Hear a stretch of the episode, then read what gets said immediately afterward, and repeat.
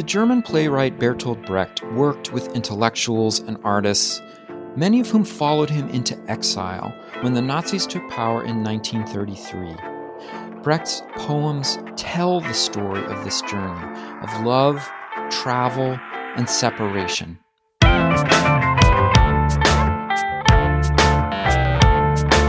It's time to eat the dogs. I'm Michael Robinson. Today, Kate Hollander talks about Brecht's life and work. She also talks about the community of artists who were his friends, lovers, and collaborators.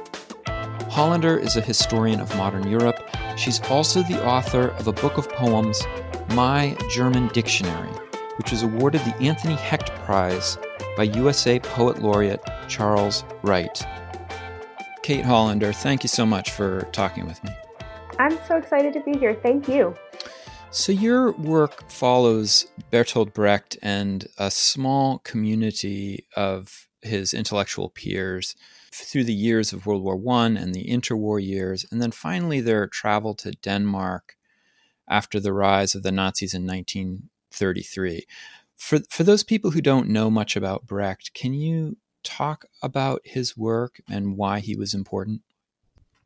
Sure. I mean, I what I usually say when people say like, "Who's Brecht?" and you know, I don't know anything about him. I I usually ask if they know the song "Mac the Knife," and most many people do. My students not so much anymore, but um, I started a talk at one point um, and I said, I'm going to hum something. And you, when you get the tune, when you think you know what it is, start humming along. And I started humming Mac the Knife, and the whole room was humming with me. And I said, you know, okay, you know something about Brecht, um, because that's, I mean, that's it's not his tune, but it's the the lyrics are from his play uh, Three, Penny, Penny Opera. Opera. Yeah. And when I say his play, I'm sort of flirting with danger here because Brecht worked collaboratively with um, usually, I mean, most often, a, a, sort of small core group, and then oftentimes a lot of other people kind of coming in and out of the process and making smaller suggestions. And so there's been a fair bit of, I think, fair controversy. So um, both fair in the amount and also in it's somewhat justified um, about our habit of assigning plays to Brecht mm. um, exclusively. But and so uh, you know I use that word sort of loosely, like it's his play. It's a play that he was I think the leader of uh, working on. Uh, and my work actually is really involved with the question of collaboration. So I, I always have to get muddy in this issue right away. But Brecht was a really important poet and playwright in the German language in the 20th century, and um, other really important things that you might have heard of, um, having to, you know, from coming from his oeuvre, again, using that kind of a loose, in a loose way, or Mother Courage and Her Children, or The Good Person of Szechuan. And these are plays that are still performed all the time these days. His group, his intellectual cohort, is also a kind of who's who of the interwar years. Uh, Walter mm-hmm. Benjamin, the German philosopher, and mm-hmm. Margareta Steffin, the the actor, and Karin Michaelis, the Danish author. I mean, he was really traveling with quite a group.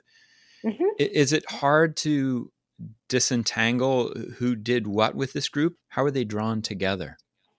Yeah, I think it's really hard to disentangle who did what. And there are scholars who have said, like, well, we just don't need to worry about it. You know, what what is it going to give us if we figure that out? And I think you know, to me, that's the difference maybe between and this is I'm now just making this up. I've just made this up right now, so let's see how it flies. But this may be the difference between a literary approach and a historical one, because I think for literary scholars that's a valid question. Like, so if we knew who had written what, if we knew what piece was whose effort, like what does that really change? But for historians, it changes a lot.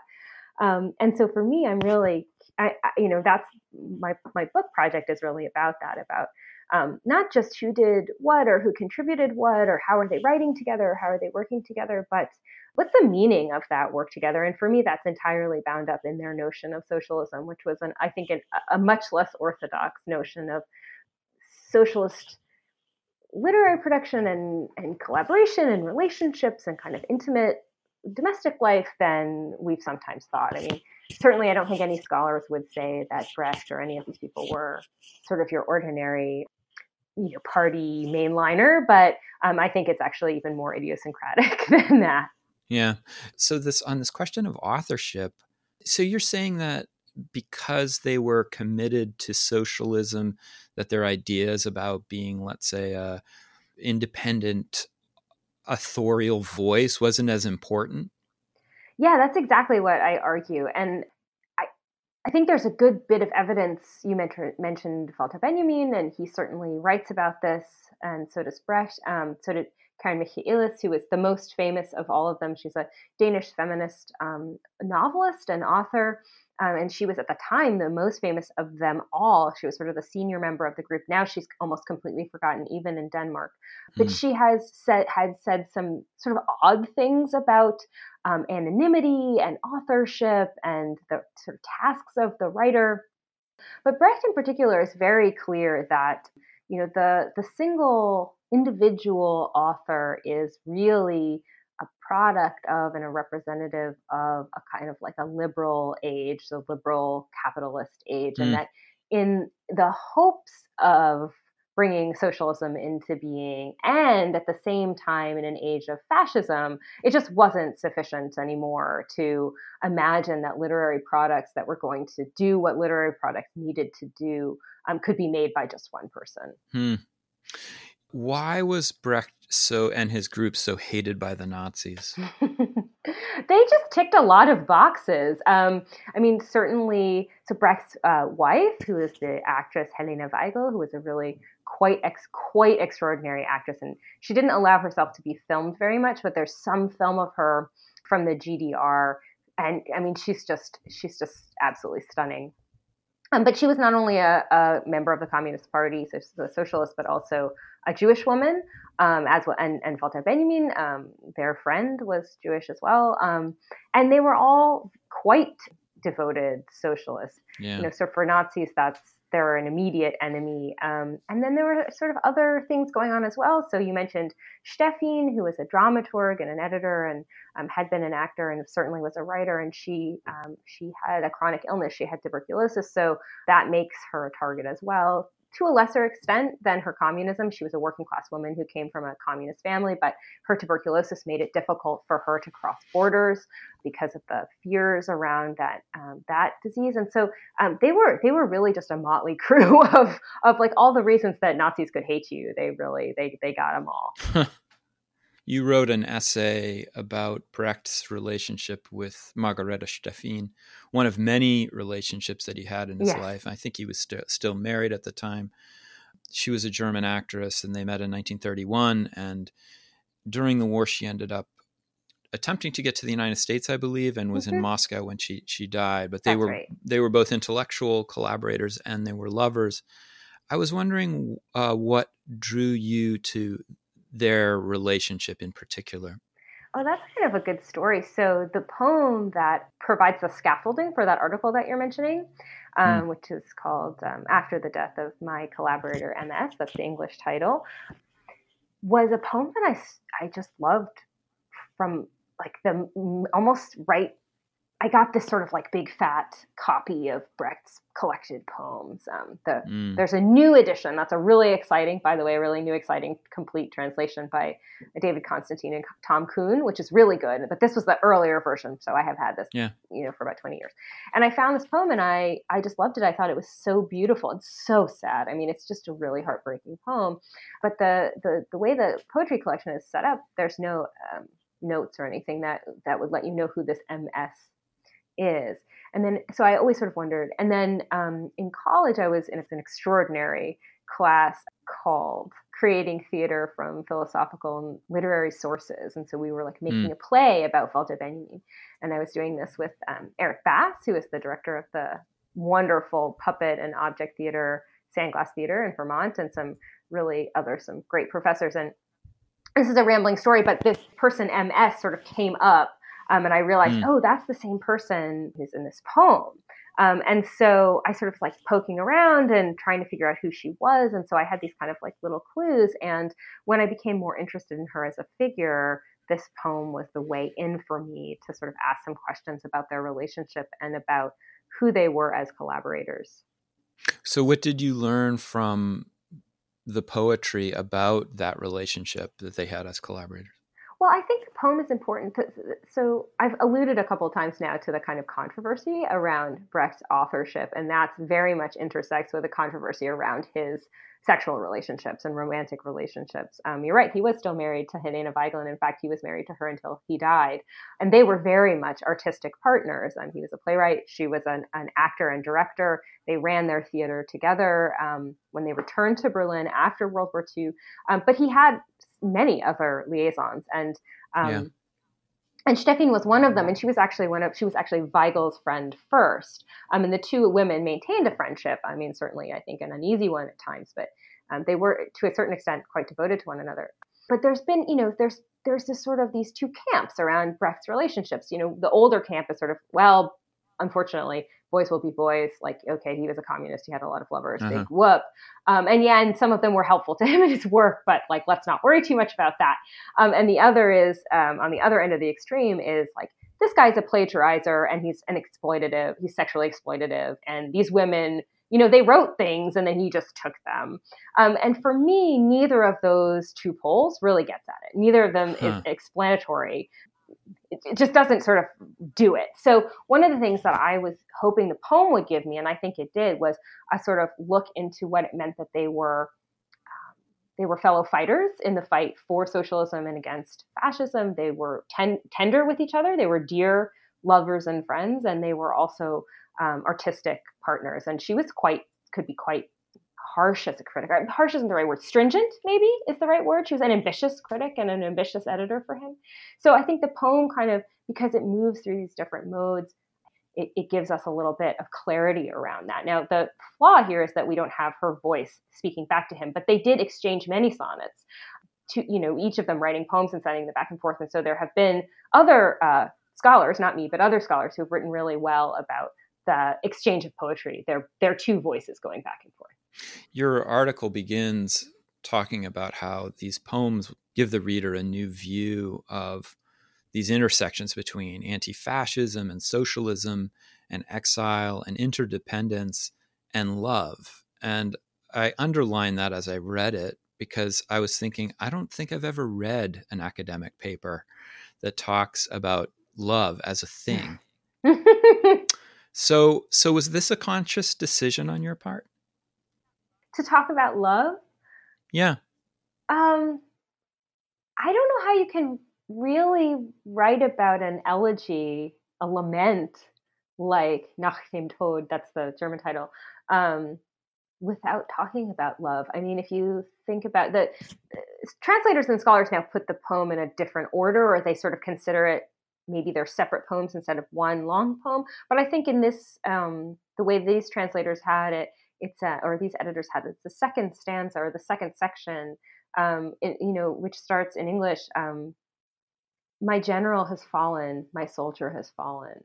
I mean, the reciprocity in these couplets and the mm. devotion there is really heartbreaking. And and and you know, at some level, it's totally not. I mean, it's desexualized. It's not at all clear. You know, what the, even what the, the gender of these people are, what their relationship yeah. is. But I mean, the, there's like a, a there's a just a dedication there and a love there that I don't I don't know how you would write about this poem without saying like okay there's there's something going on here and I think I think it's important too because um, I think to be critical of Brecht is really important. I don't think that he was um, somebody who transcended the sexism of his day, and in fact, he may have embodied, you know, more than his fair share. But but the idea that these were not people who loved one another, I think, is really um, it's an untenable notion.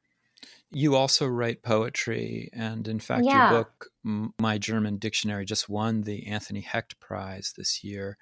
Did your work on Steffin and Brecht draw you to poetry, or, or was it the other way around? It's a great question. I mean, no, I, I had been I've been writing poetry with seriousness. I don't know if the poetry was serious, but I was serious about it since high school, and certainly got quite serious about it in college. And um, and and in college was also the time that I kind of started to be serious about history as well. But um, I think these two things have been really involved with one another for a really long time, and I'm not sure that I can say that one drew me to the other or that uh, one was a result of the other. And um, they don't seem to be able to be pulled apart from each other actually. I was wondering if you could read the first poem in your book my german dictionary which is titled of course. Confession invitation. I'm happy to. Confession invitation. I couldn't be a good Jew, so I tried to be a good historian. I couldn't be a good historian, so I wrote poems. I couldn't write about the Shoah, so I wrote about the sum. My heart is not a pocket watch. I wrote swans, snails, stars, and mud. I couldn't sleep, so I tried sleepwalking. I couldn't sleepwalk, so I just dreamed. Oh, Doctor Father, Oak Owl, Grandfather Clock, why didn't you help God, Papa? Why didn't you help me? Nuremberg, Nuremberg, my old hometown. Tell me, however should I find such a country? I didn't love a nation, I loved an idea. I don't trust policemen, I don't look at stray dogs, I don't trust clocks. I am unpacking my library. Yes, I am. The good traveling coat has a fox fur collar and a fat gold tassel at the shoulder. Pull on it, and from the wide sleeve a little cedar ladder nudges out, ready to take you away. Why did you begin your book of poems with this poem?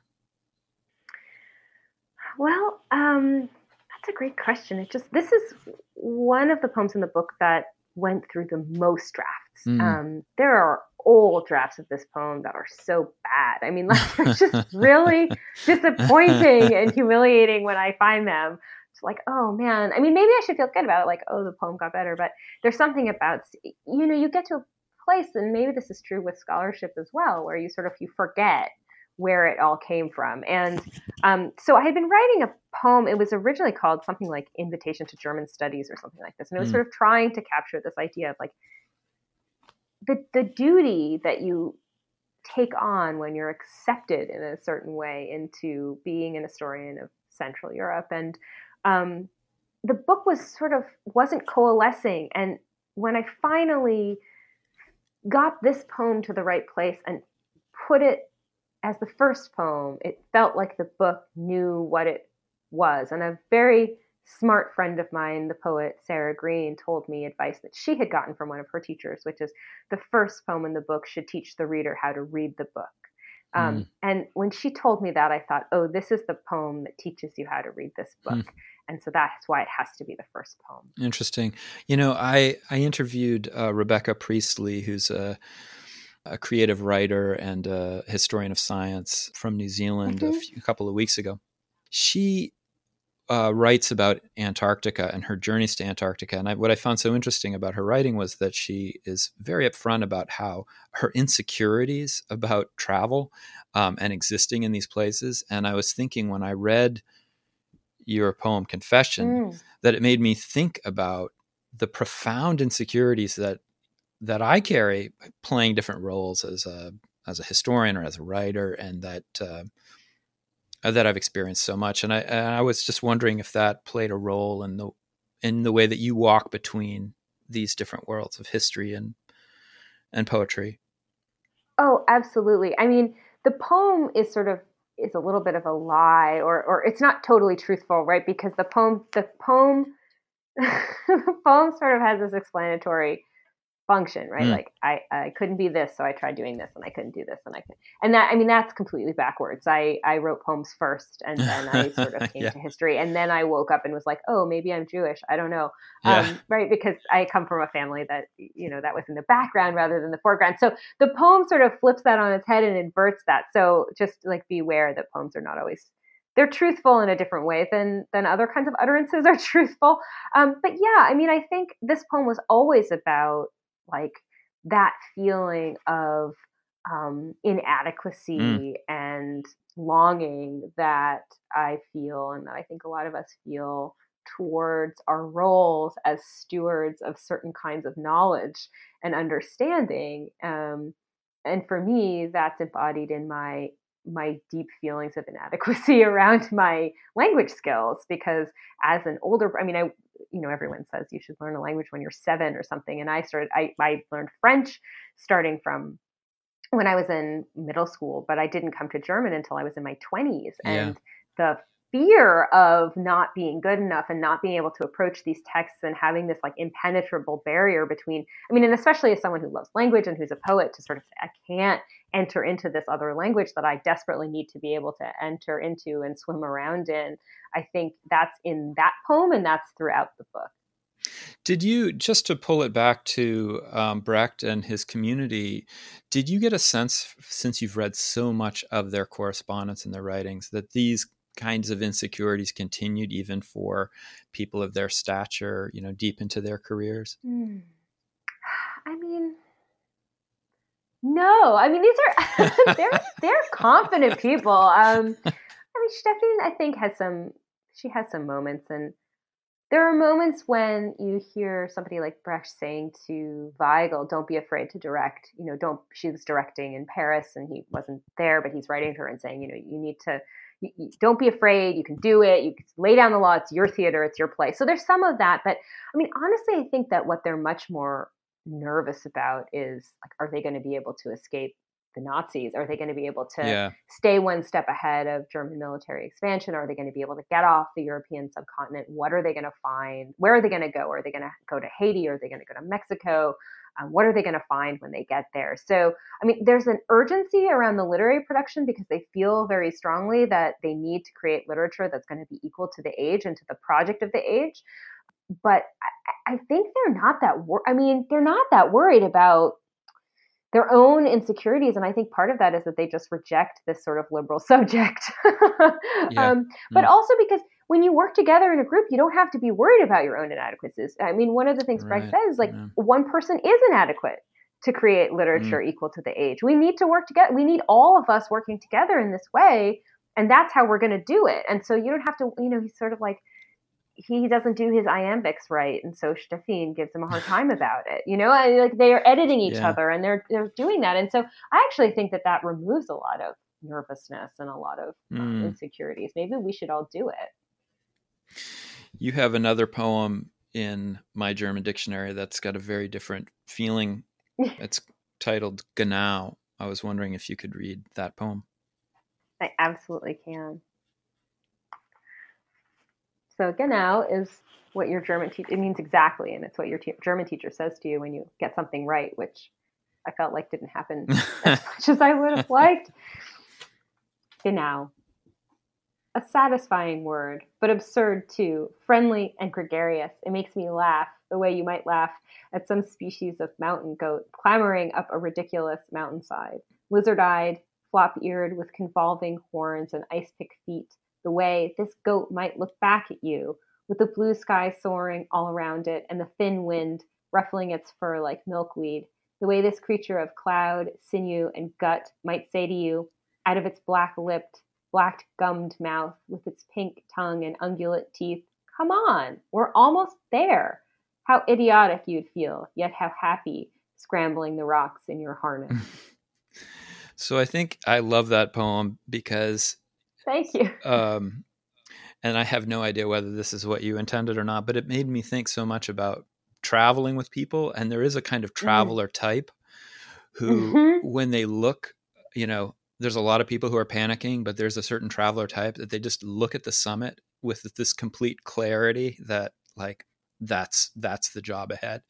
Um, mm-hmm. and it's like they're not concerned at all about the murkiness of the world that surrounds them uh, in any event. But i was wondering if you could talk about that poem a little bit. Yeah it's funny i i the the poem is part of a series of poems that make up about a third of the book that's an, that are an abecedarian. So they're now it's a long series of alphabet poems. So there's one poem for each letter of the alphabet. Mm. So this one's the one for G. And Genau always sounded I think it's because it sounds sort of like GNU, which is a kind of like weird goat type thing. That it just was a mnemonic for me or it was an association. And so I wrote this poem and I I started out really not liking it. And I sort of just felt this kind of like ugh, like yeah, like ugh, I, who is this person? Like who is this like goat person who just like loves climbing rocks yeah. and everything is like so much fun and everybody else just feels like, you know, this is a slog. And yet I started to like the poem more as I worked on it and I've read it out loud now a few times and every time I read it, I feel more affectionate towards that mm. like little funny goat creature. Um, I think also because I have a teacher who's a close, I mean, a mentor and a close friend now who would often, it's not a word that I use very much, but who, who does often use the word idiotic, like that idiotic book, that idiotic argument. And I think maybe there was something like um, stressful about the word, and yet um, the, the like the combination of idiotic and exact um, that somehow came together in a way that now I find really delightful, even though I think as a graduate student, which I think is when I wrote that poem, uh, it, it just felt really impossible. Well, don't you think so much of being in graduate school is about being not the Genau person, of being the kind of um, yeah. being the cynic, you know, the sardonic uh, person who I don't know finds problems with everything. Uh, that's a terrible yeah, no, I, or or just is sort of like schlepping up yeah. the mountain. Like, well, I don't even know where we're going, but like, I guess one foot in front of the other. I guess that's I guess that's how we do this. Yeah, and there's like there's not a lot. I mean, I had a much better time in graduate school than most people I mm. know. I actually enjoyed myself quite a lot, and and and wasn't sort of beset by. I had a great advisor. I had great committee. I had good friends. It was really okay, but but there is like that kind of like just sense of you're in the wilderness and you don't even really know where you're going and um, i don't know to come across a wild creature that sort of decides to show you the way is would be nice but uh, but also a little annoying yeah. I was thinking like, you know, only in the academy do we take a word like problem and turn it into problematize and make it a verb, you know. yeah, let's just make more problems for ourselves so um so do you are you continuing to write more poems? Are you are you uh what are you working on right now? I i am writing some poems. I'm writing a lot of poems. They're it, you know huh, they're not very good i think right now. And this is the thing that's so beautiful about having a new project but also so so depressing is that i i actually found a lot of drafts of my of the books of the poem that poems that were that are in the book that was just published. And yeah, seeing those drafts and remembering how really rough they were and really problematic, mm. um, just not very good, is humbling. And so I'm writing, you know, but but when you're working on a book for a long time and it's not getting published and it's not getting published, you're just always making it better and you're improving it and you're polishing it and you're tightening it and you're throwing, okay, well, this poem doesn't work, so I'm going to throw it out and I'm going to write a new poem and stick it in the place where this one go, right? Sort of know all these things. And it's a tinkering that happens and you can see the improvements happening.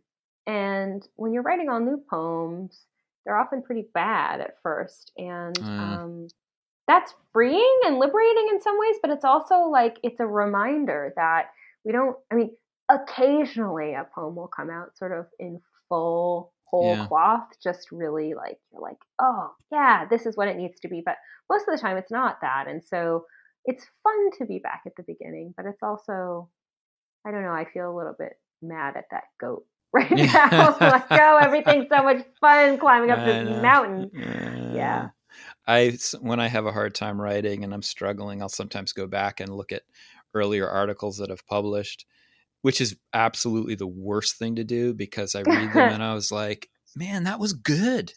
Yeah, I, have gotten right. I've gotten stupider over time. Yeah. I can't yeah. write anymore. Yeah. This is terrible. Yep. Yeah, I mean, it's this really strange thing because I mean, I'm I'm so grateful that the book is out in the world, and I'm so grateful that people like it, and I'm so I'm so humbled, and I'm so I mean honored, and it's wonderful to get to share the book with people, and it's so great when people like it. But one of the things that people sometimes say is they they they really like the book, they think it's really sharp, and and I just am like, well, you work on something for 12 years, and it'll be, you know, I mean, like, yeah yeah. you know, it feels like, well, yeah, because I was just honing, you know, I was honing for a long time. And it's not natural. It's not sort of like spontaneous. It's a huge amount of work. And when you start back at the beginning, you do feel dumber. Um, yeah. And I, but I think that's like kind of important because um, it's a craft. It's not just a sort of like spontaneous utterance that, you know, you open your mouth and the muse speaks or something. I mean, would that it was like that? It's like that very occasionally, but yeah. Yeah. Kate Hollander, thank you so much for talking with me. Oh, well, it was a delight. Thank you. that's it for today. The music was composed by Zabrat. Make sure you check out the Time to Eat the Dogs website podcast links and other exploration related stuff. And if you get the chance, please take a minute to rate and review the show wherever you get your podcasts. It really helps make the show visible to new listeners. And if you want to recommend a guest or make a comment, feel free to contact me at time to eat the dogs, that's one word, lowercase, at gmail.com. See you next week.